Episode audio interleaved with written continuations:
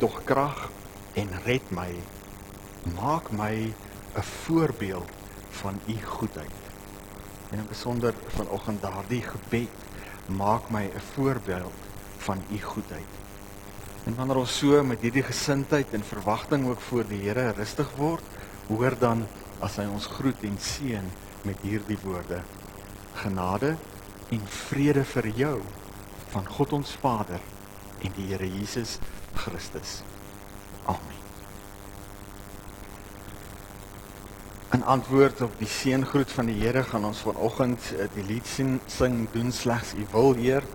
Dis 'n baie diep en innige gebed. Dit kom uit Jesaja uit uiteindelik waar daar verwys word na die pottebakker wat die Here is en ons die klein.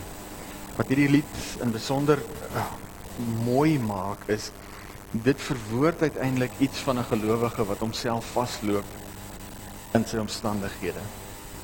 Dit verwoord iets van 'n gelowige wat in afhanklikheid na die Here toe kom wanneer jou omstandighede van so aard geraak het dat jy net nie meer weet wat is volgende nie. Hoe moet ek maak? Wat moet ek doen? En dan verwoord hierdie gebed 'n stukkie afhanklikheid van die Here, 'n stuk vertroue op die Here dat hy ten goeie sal meewerk alles wat in my lewe gebeur. En daarin ook die mooi van die waar hierdie lied eindig, maak van my my hart o Heer, o Heiland, u troon tot elkeen Christus in my sien woon. Hierdie gebed verwoord ook hierdie waarheid wat ons bely dat in hierdie wêreld trek ons lewe saam in die feit dat Jesus Christus die Here van die Here is, deur wie verlossing en nuwe lewe kom. Kom ons sing dit bidend saam en daarna gaan ons stil staan by ons belydenis.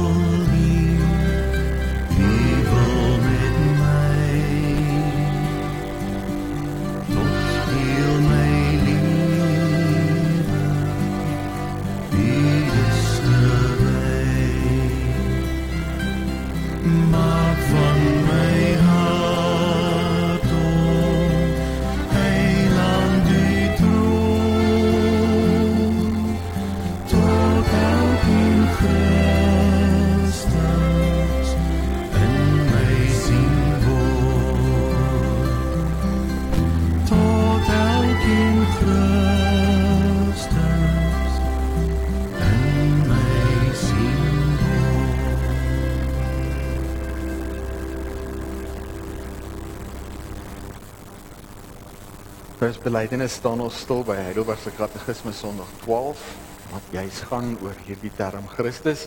En is in besonder ook as ons dink aan die prediking Matteus waar ons stil staan dat die gelowiges in Antiochië, die hoofstad van die provinsie Sirië, is daar die eerste keer Christene genoem. En daarom is hierdie vir ons ook 'n belangrike vraag: Waarom word Jesus Christus wat gesalfde beteken genoem? En ons antwoord: Omdat hy deur God die Vader bestem en aangestel en met die Heilige Gees gesalf is tot ons hoogste profeet en leraar wat aan ons die verborgde raad en wil van God aangaande ons verlossing ten volle bekend gemaak het. Dat hy gesalf is tot ons enigste hoëpriester wat ons met die e-, enige offer van sy liggaam verlos het en met sy voorbidding gedurig deur by die Vader vir ons intree en dat hy gesalf is tot ons ewige koning wat ons met sy woord en gees regeer en ons by die verlossing wat verwerf is beskerm en bewaar. Waarom word jy dan 'n Christen genoem en ons antwoord omdat ek deur die geloof 'n lid van Christus is en daardeur deel aan sy salwing het sodat ek sy naam kan bely myself as 'n lewende dankoffer aan hom kan toewy en in hierdie lewe met 'n vrye gewete teen die sonde en die duiwel kan stry en hierna met Christus in ewigheid oor alle skepsels kan regeer. Nou vir ons as gelowiges is hierdie die waarheid. In Christus het God ons kom vrymaak en hy is besig om ons volkome te herskep om te word wie hy bedoel het ons moet wees. Hy is besig om ons te maak wat ons moes gewees het voor die sondeval. En ons kan leef met hierdie sekerheid dat dit beslis gebeur het omdat Jesus Christus gekom het, gesterf het en opgestaan het. Kom ons loof die Here hiervoor deur saam te sing van Here ons sal U loof en daarna staan ons stil by God se wil vir ons lewe.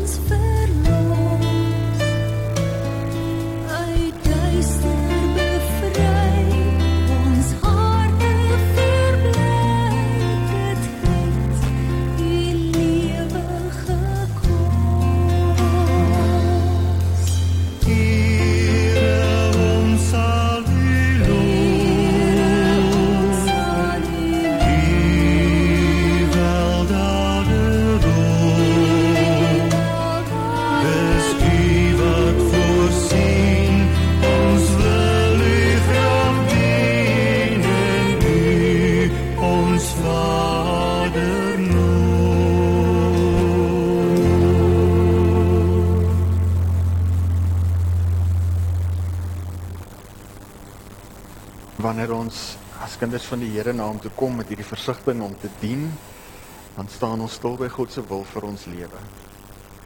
En ons staan vanoggend stil by Matteus 9 waar Jesus gekonfronteer word met die stikkend van hierdie wêreld, die verlorenheid van die skape en vir ons 'n opdrag gee en dan verder by Matteus 28.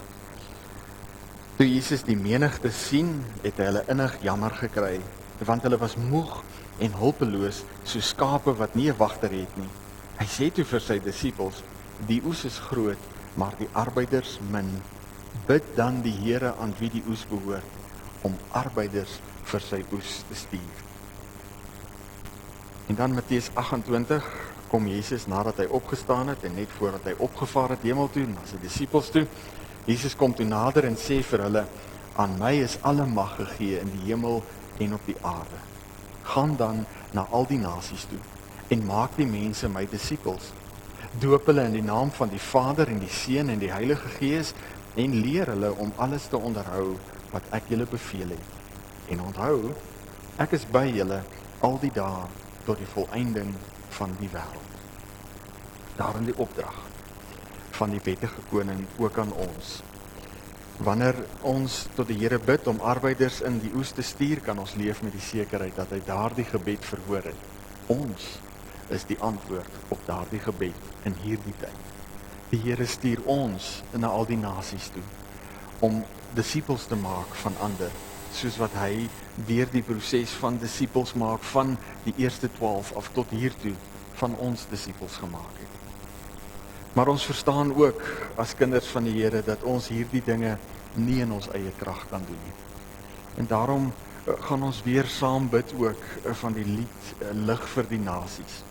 Paulus sê in Efesiërs 6 vir ons dat ons alles bidtend moet doen en God by elke geleentheid moet smeek deur die Gees.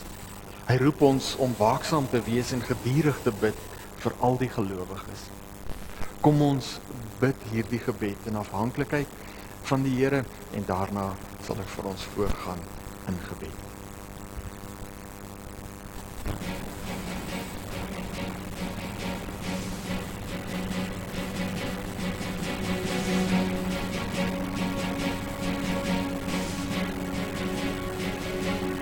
Helder skyn die lig vir die nasies 'n vreugde glans om die mense te verlig tot die hele wêreld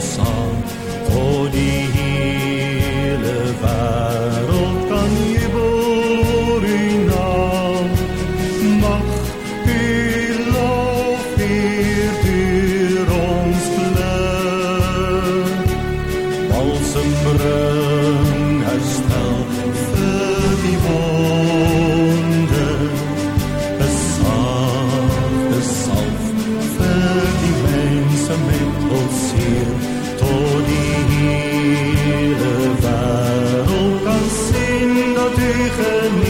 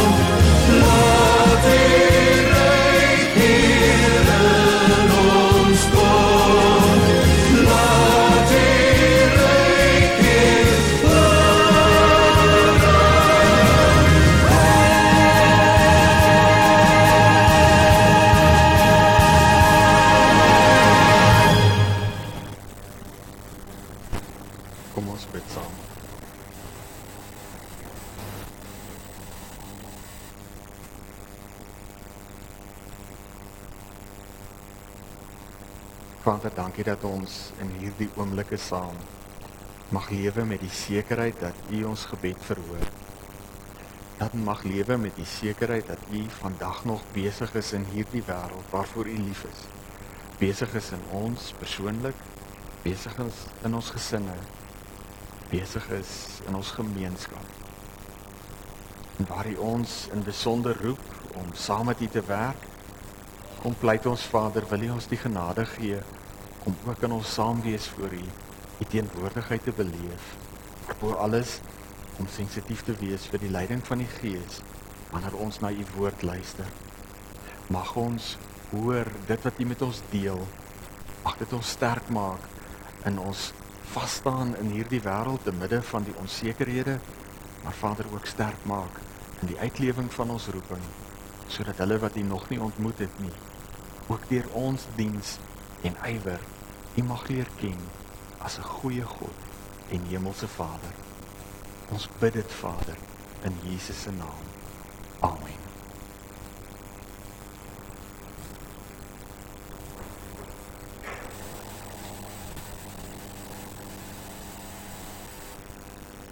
Verlede week het ons in Matteus 14 stil gestaan by die eerste vermeerdering van die brode. Um die disippels was so bietjie oorweldig geweest deur die die omvang van die nood rondom hulle en hulle vra toe vir Jesus nie hy moet die mense wegstuur. En toe sê Jesus nee, gee julle vir hulle kos. Um om te maak hulle duidelik dat wel hulle het daarom vir hulle voorberei. Daar was 5 brode en 2 visse.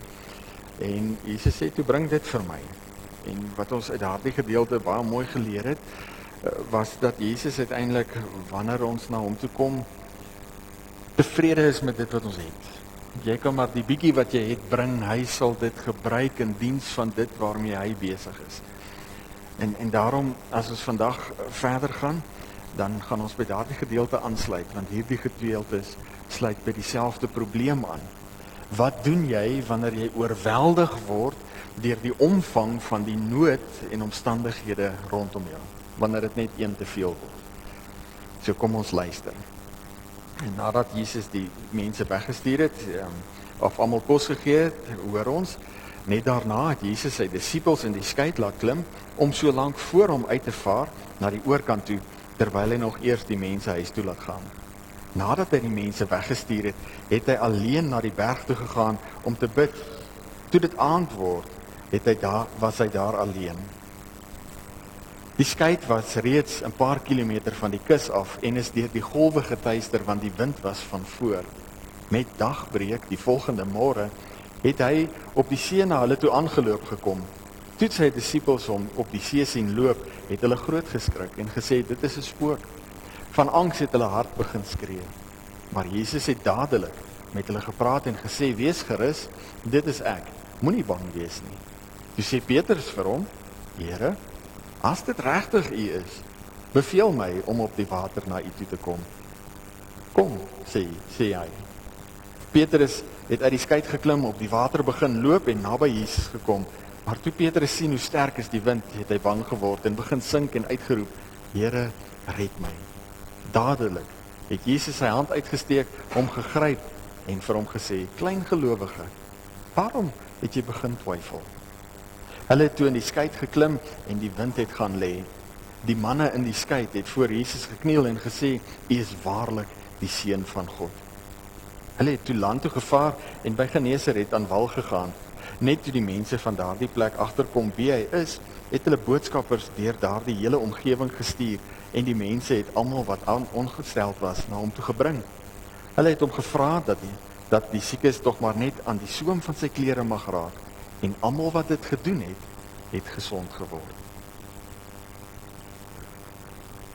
So Matteus skryf sy evangelie soos ons vasgemaak het vir gelowiges wat op 'n slegte, gemaklike plek vasgevall het.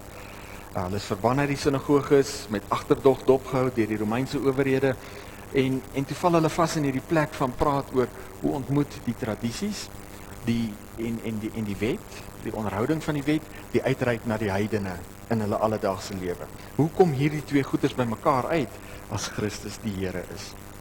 En Matteus skryf sy evangelie en begin dan met 'n baie spesifieke punt deur duidelik te maak dat Jesus Christus is die wettige koning wat in die Ou Testament beloof is en hy eindig in hoofstuk 28 daar waar ons gestop het of by die wilstel gestaan het vanoggend by die wettige opdrag wat die wettige koning gegee het. Nou deel van die klem wat Matteus oordra in hierdie evangelie is dat Jesus as wettige koning aanspraak maak op ons gehoorsaamheid dit is net reg en gepas so. Hy is immers die wettige koning. Maar dit is nie altyd maklik nie. Veral nie as ons soms oorweldig word deur die omvang van die taak waartoe hy ons roep nie. Jesus kom as lig na 'n donker wêreld toe en kom verlos die kinders van God wat vasgevang is in sonde en dood.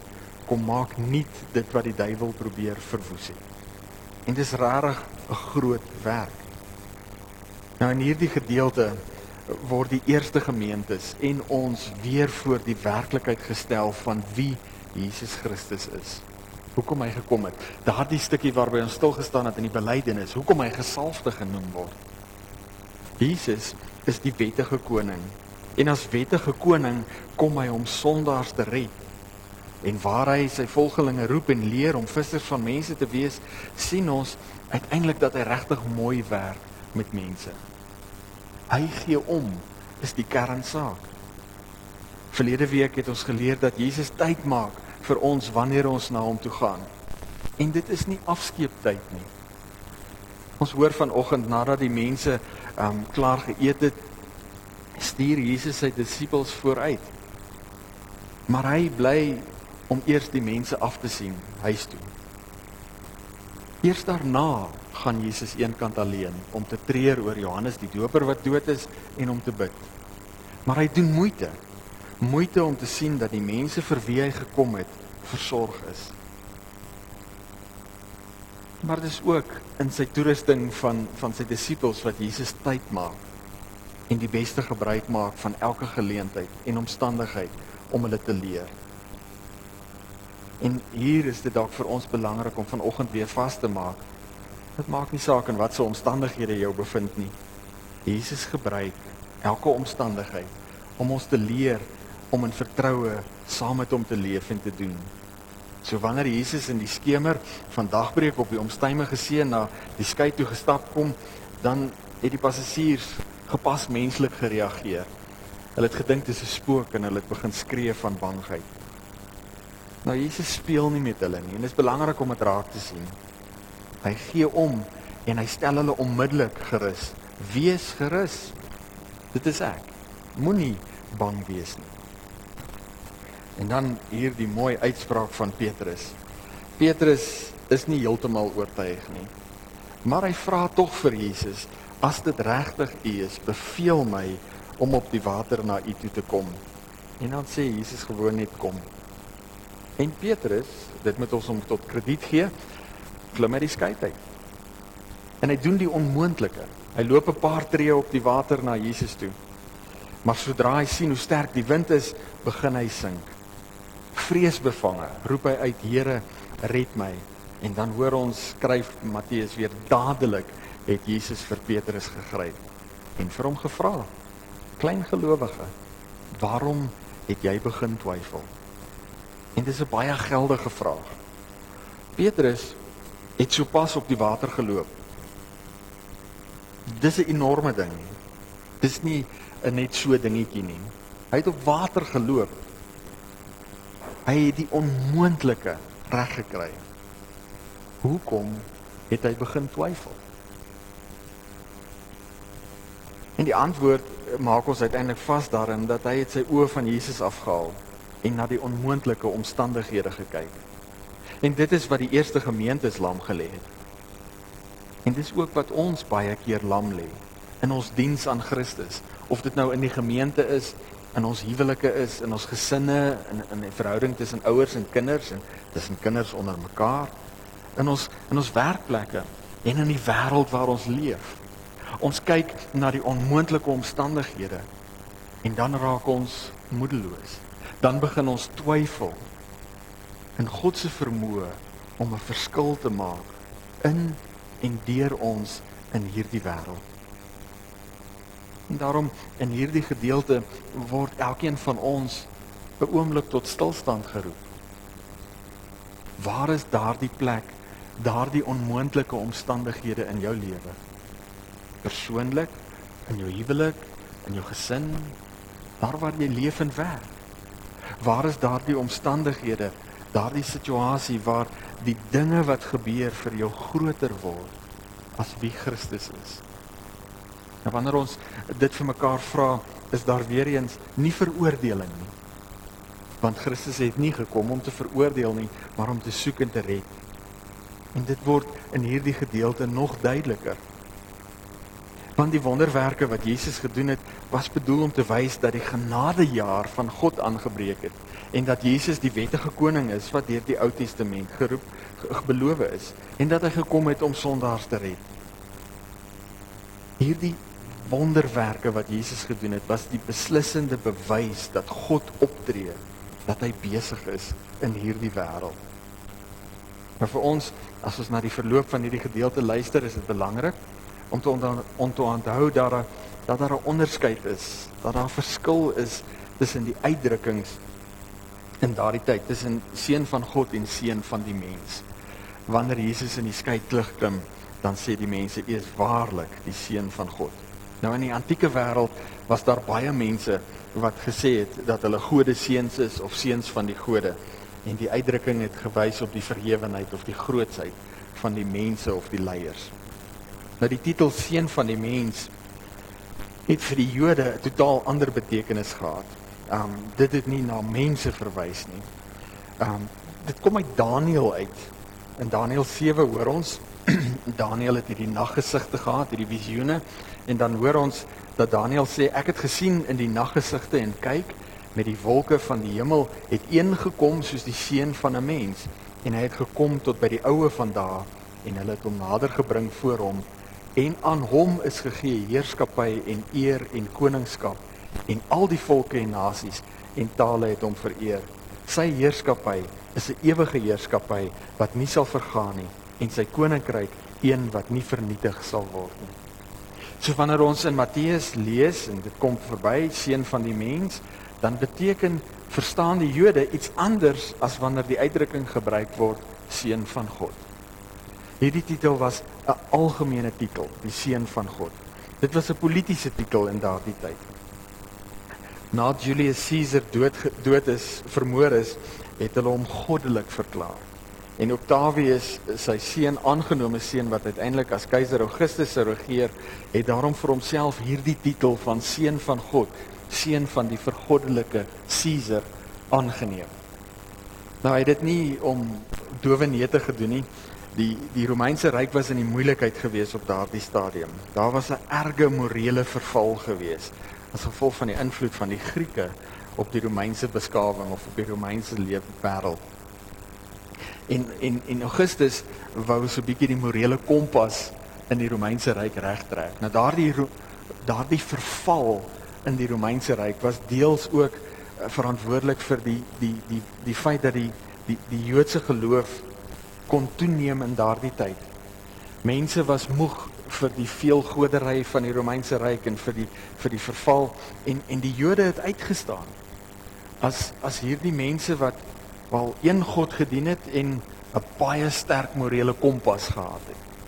En die Here sou uiteindelik daardie werklikheid ook gebruik om die kerk te help groei wanneer Jesus die gelowiges uitstuur in die wêreld in omdat hulle nou geset by hierdie morele kompas van die Ou Testament gebly het. Daar's 'n etiese manier, daar's 'n mooi manier of 'n regte manier van lewe. Maar hierdie morele verval het nie ongesiens by die oor die Romeine verbygegaan nie. So Augustus het begin om om om die die morele etiek weer voorop te hou. So hy het groot bouprojekte ingestel waaronder dan nou baie standbeelde was. En dis interessant as mens gaan kyk, um standbeelde van hom dan nou was ditselfde in sy in sy militêre uniform. Hy het 'n toga aangetree meeste van die tyd want dit was die prentjie wat hulle voorgehou het van die edelman, van die heer, van die een wat moreel lewe. En daardie standbeelde was vir die Jode en die Christene besonder belangrik want deel van die godsdiens van daardie tyd waar die keiser dan nou in in homself die hele ding saamgetrek het van hy is nie net staatshoof nie maar ook godsdienstige hoof was dat mense wat die wat um afvallig geraak het van die staatsgodsdiens met ander woorde die Jode en die Christene moes uiteindelik net twee dinge doen om nie verhoor te word nie. Hulle moes 'n stukkie wierook na die standbeeld toe gooi en dan net sê Augustus Kyrios of wie ook al die keiser op daardie stadium is. Die keiser is Here. Nou die Jode wou dit nie doen nie en die Christene uit die aard van die saak ook nie. So hierdie term seun van God was 'n politieke en 'n algemeen bekende term in daardie tyd gewees. Augustus het homself herskep as die godsdienstige politieke leier wat deur sy voorbeeld en wetgewing wat hy ingestel het, die ryk op 'n beter morele pad wou stel. Hy het godsdiens gebruik om as 'n voertuig om om morele verval teen te werk. En dan lees ons en leer ons uit die geskiedenis dat opvolgende keisers die titel sou behou, maar nie noodwendig altyd dieselfde morele etiek sou deel nie. En van daar die konflik tussen die Romeine en die Christene. Die Christene het gesê Jesus Christus is Kyrios. Hy is Here en hy is die seun van God, die wettige koning en nie die Romeinse keiser nie. So wanneer Jesus in die skei klim en die bemanning die manne voor hom neerval en bely u is waarlik die seun van God, maak hulle 'n politieke en 'n godsdienstige stelling. Godsdienstig omdat Jesus op die water geloop het en die wonder bewys dit. Hy is meer as net 'n mens. Maar dis ook 'n politieke stelling waarmee die eerste hoorders goed bekend sou wees. Jesus is die seun van God en daarom die wettige koning. Die genadejaar van God en Jesus se identiteit as seun van God word bevestig in Genesaret wanneer mense gesond gemaak word as hulle maar net aan die soem van sy klere vat. Nou hierin vir die eerste gelowiges en vir ons is daar bemoediging, toerusting en ook 'n vermaaning opgesluit. Bemoediging omdat Jesus omgee. Hy maak tyd vir ons en dit is nie afskeidtyd nie. Hy doen moeite en sorg dat ons nood aangespreek word. Hy doen moeite en sorg dat ons toegerus word vir die taak waartoe hy ons geroep het. En hierin gebruik hy ook alledaagse omstandighede, maar ook die onmoontlike omstandighede waarin ons onsself bevind. En daarom as jy in jou lewe by daai plek kom waar jy nie meer hoop sien vir môre nie, waar jy begin wonder oor wat gaan word van ons, wat gaan word van ons land, waar gaan alles eindig? Weet net dat Christus nie verleë is oor hierdie omstandighede nie. Ook in hierdie omstandighede bly hy innig besig met elkeen van ons besig om vorm te gee aan dit wat ons nodig het om naby hom te leef en saam met hom te werk. En daarin in die stukkie toerusting.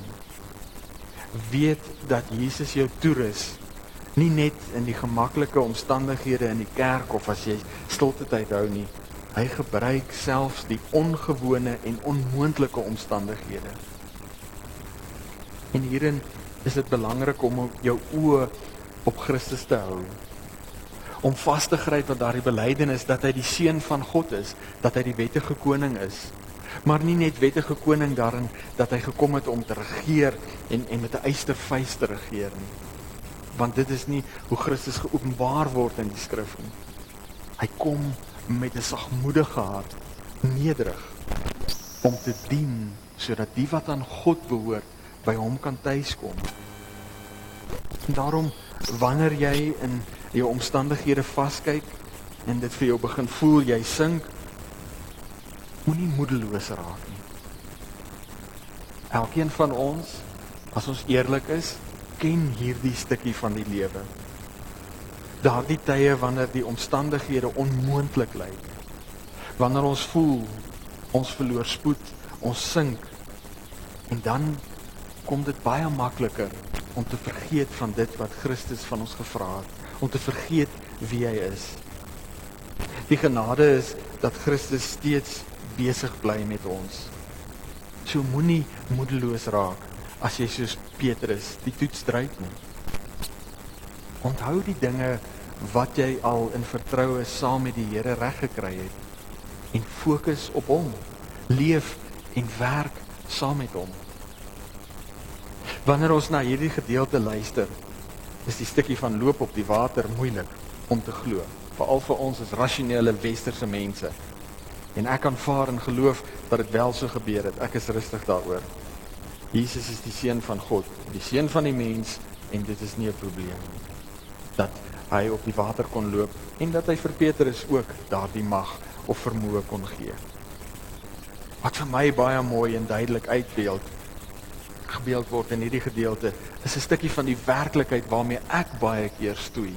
Is wanneer die die onmoontlikheid van die omstandighede my onderkry. En ek by daai punt in my lewe kom waar ek nie meer hoop sien nie, waar ek soos Petrus voel nou sink ek. En daarin die eenvoud van die boodskap wat hierin oop oorgedra word. Dis eenvoudig. Dis nie heeltemal so maklik nie, maar dit is eenvoudig. Moenie vaskyk in die moeilike omstandighede nie. Kyk na Christus. Na wie hy is en waarmee hy besig is. Nie net in jou eie persoonlike lewe nie, maar deur jou ook besig is in hierdie wêreld. En daarom is daar hier 'n vermaaning. Hy is die wettige koning. Wie hy is en wat hy vra maak saak. En daarom hierdie vraag, hierdie oproep. Gee ag op dit wat hy in jou lewe van jou vra. Die eerste gemeentes het hiermee erns gemaak en hulle het sendelinge uitgestuur. Hulle het sorg gedra vir die arm gemeentes in Judea en hulle in hulle alledaagse lewe so gelewe dat die gelowiges eerste Christene genoem is in Antiochië. Maar jy's hierin ook die uitdaging vir ons vandag as individue en as gemeente.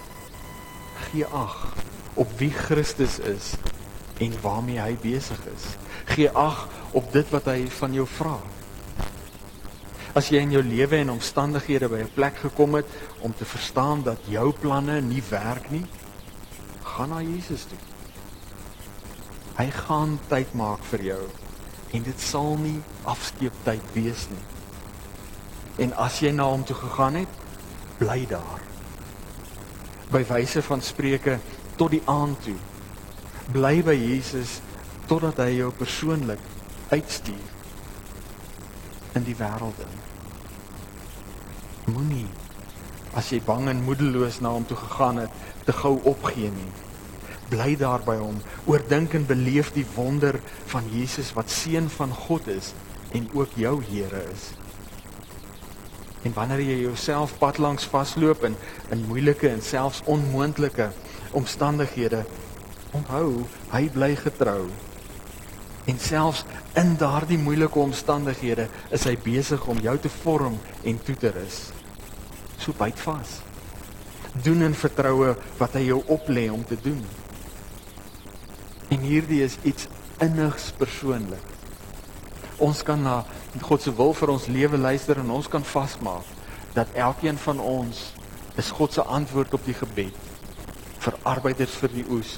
Ons kan in Matteus 28 gaan luister na daardie opdrag om uit te gaan en disippels van al die nasies te maak en dit is waar van elkeen van ons.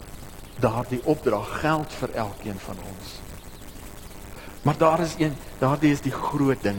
Dit is die raamwerk waarbinne ons lewe funksioneer. Die Here werk nie net met die groot dinge nie. Hy werk ook innig persoonlik met elkeen van ons. Want jy is iemand vir wie die Here lief is. Jy is iemand wat die Here gekies het, geroep het en wat hy vrygespreek het en wat hy vat op hierdie pad van daaglikse bekering sodat jy die man of vrou kan word wat hy bedoel het jy moet wees. Maar jy, soos ek, is ook 'n mens wat die worsteling ken tussen die ou en die nuwe mens. En daarom wanneer jy in jou persoonlike lewe gekonfronteer word met daardie onmoontlike omstandighede met daardie werklikheid van klein geloof wat ons deel bly in hierdie bedeling wat maak dat ons baie keer nie doen wat Christus van ons vra nie. Skep moed. Byt vas. Moenie te gou moed opgee nie. Volhard in dit wat die Here van jou vra. En as dit moeilik raak, fokus op wie hy is. Oordink dit.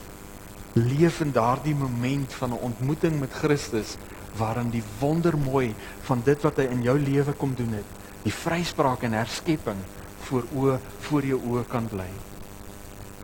As jy in jou huwelik jouself vasloop in jou man of vrou en dit gebeur, moenie vaskyk in die omstandighede nie.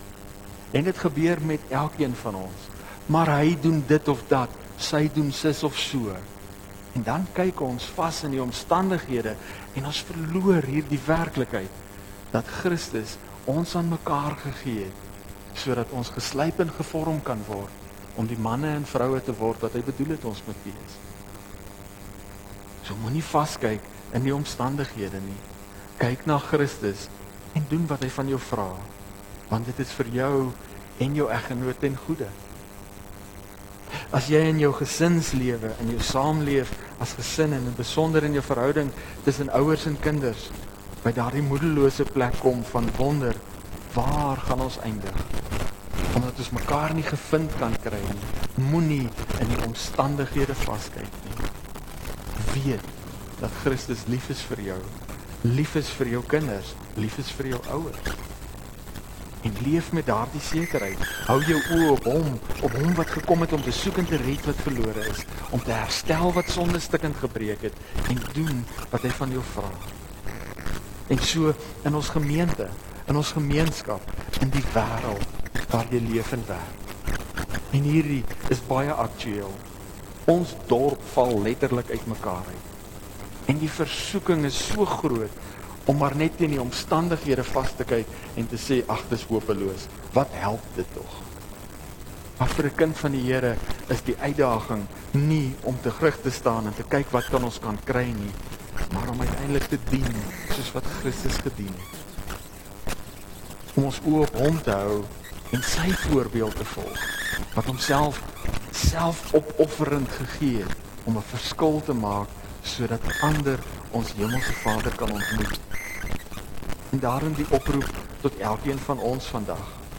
Moenie in jou omstandighede vaskyk nie. Hou jou oë op Jesus, die seun van God wat vir jou gekom het en vandag nog besig is om heel te maak wat sonde stukkend gebreek het. En onthou, hy is die seun van God, die wettige koning wat gekom het om sondaars te red. Daarom erns met dit wat hy jou leer en vra hom te doen. Wees sout en lig in jou saamleef en saamwerk met hom. Amen. Is daar enige vrae oor dit waarby ons vanoggend stil gestaan het?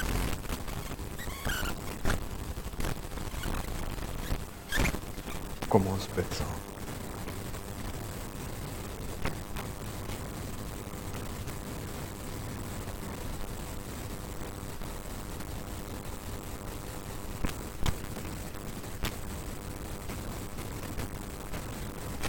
Vader, as ons hierin voor U rustig word, dan dink ek onwillekeurig hoe gelukkig was Petrus nie. Hy kon Jesus sien, aan hom vat. Hy kon 'n paar tree op die water loop. As ek maar net daardie voorreg kon gehad het. As ons maar net daardie voorreg kon gehad het. En dan onthou ek Vader dat daar al in my lewe was omstandighede situasies waarin die onmoontlike uiteindelik waar geword het. Dit waarvoor ek geen hoop gehad het nie. En so ook elkeen van ons dat ons as ons terugkyk mag onthou van daardie tye en omstandighede waar ons geen hoop gehad het nie, waar U verskil gemaak het. Daarom ons gebed vanoggend wil jy ons sensitief maak vir die leiding van u Gees. En wil U ons wanneer ons na die omstandighede rondom ons kyk en moedeloos word omdat dit so onmoontlik lyk, wil U ons herinner aan die pad wat U met ons gestap het tot hier toe. Wil U ons herinner aan daardie tye waar ons die teenwoordigheid innig en tasbaar beleef het. Wil U ons herinner aan daardie tye waar die onmoontlike in ons lewe waar geword het. Waar ons in ons saamleef naby U oorgeloop het van blydskap en vreugde omdat u goedheid vir ons so groot werklikheid was omdat u goedheid ons lewe in ons harte gevul het. Ons word van vanoggend voor u rustig met hierdie gebed. Vader ons stoei as ons kyk na ons omstandighede. Ons stoei baie keer in ons huwelike en ons gesinne in die gemeente in ons gemeenskap. Ons stoei in die wêreld Ons wonder oor die pad vorentoe. Maar ons onthou dat U die onmoontlike waar maak. Dat U die een is wat besig is om te soek en te red wat verlore is. Omdat U lief is vir U kinders, omdat U lief is vir die wêreld. wil U ons hierin sterk maak dat ons mag onthou dat ons vanuit daardie ontmoeting wat ons met U gehad het mag leef mag opstaan in hierdie dag as getuies van U liefde en genade sodat ander U mag leer ken. Ons bid dit Vader in Jesus se naam. Amen.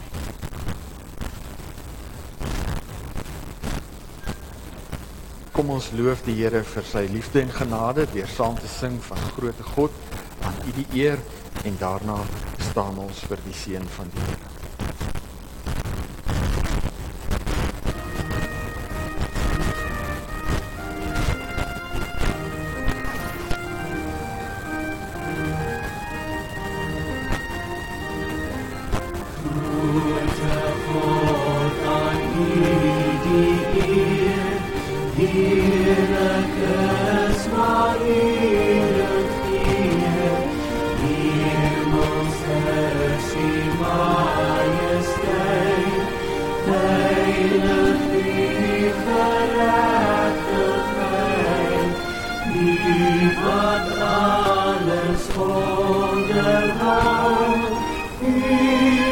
En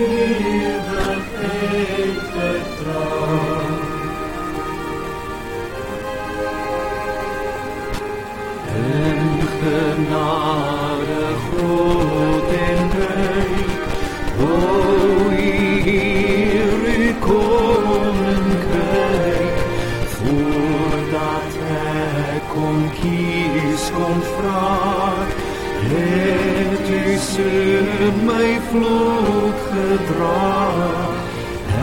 Ek ontvind u tuig gekry Voor ek nog my skuld belyn U oor alles God en hoof Oor de hoof geloof dat ons zien geen goed of kwaad wordt aan toeval overlaat. Hoe kan ons begrip verstaan?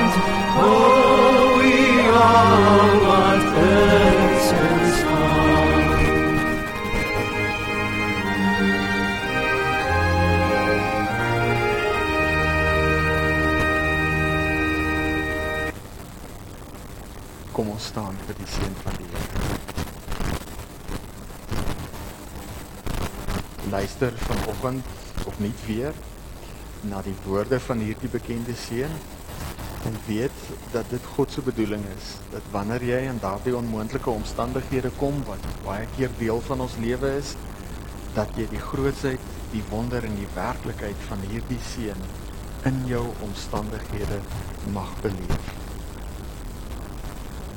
Die genade van ons Here Jesus Christus en die liefde van God, ons hemelse Vader, en die gemeenskap en krag van die Heilige Gees is met u elkeen.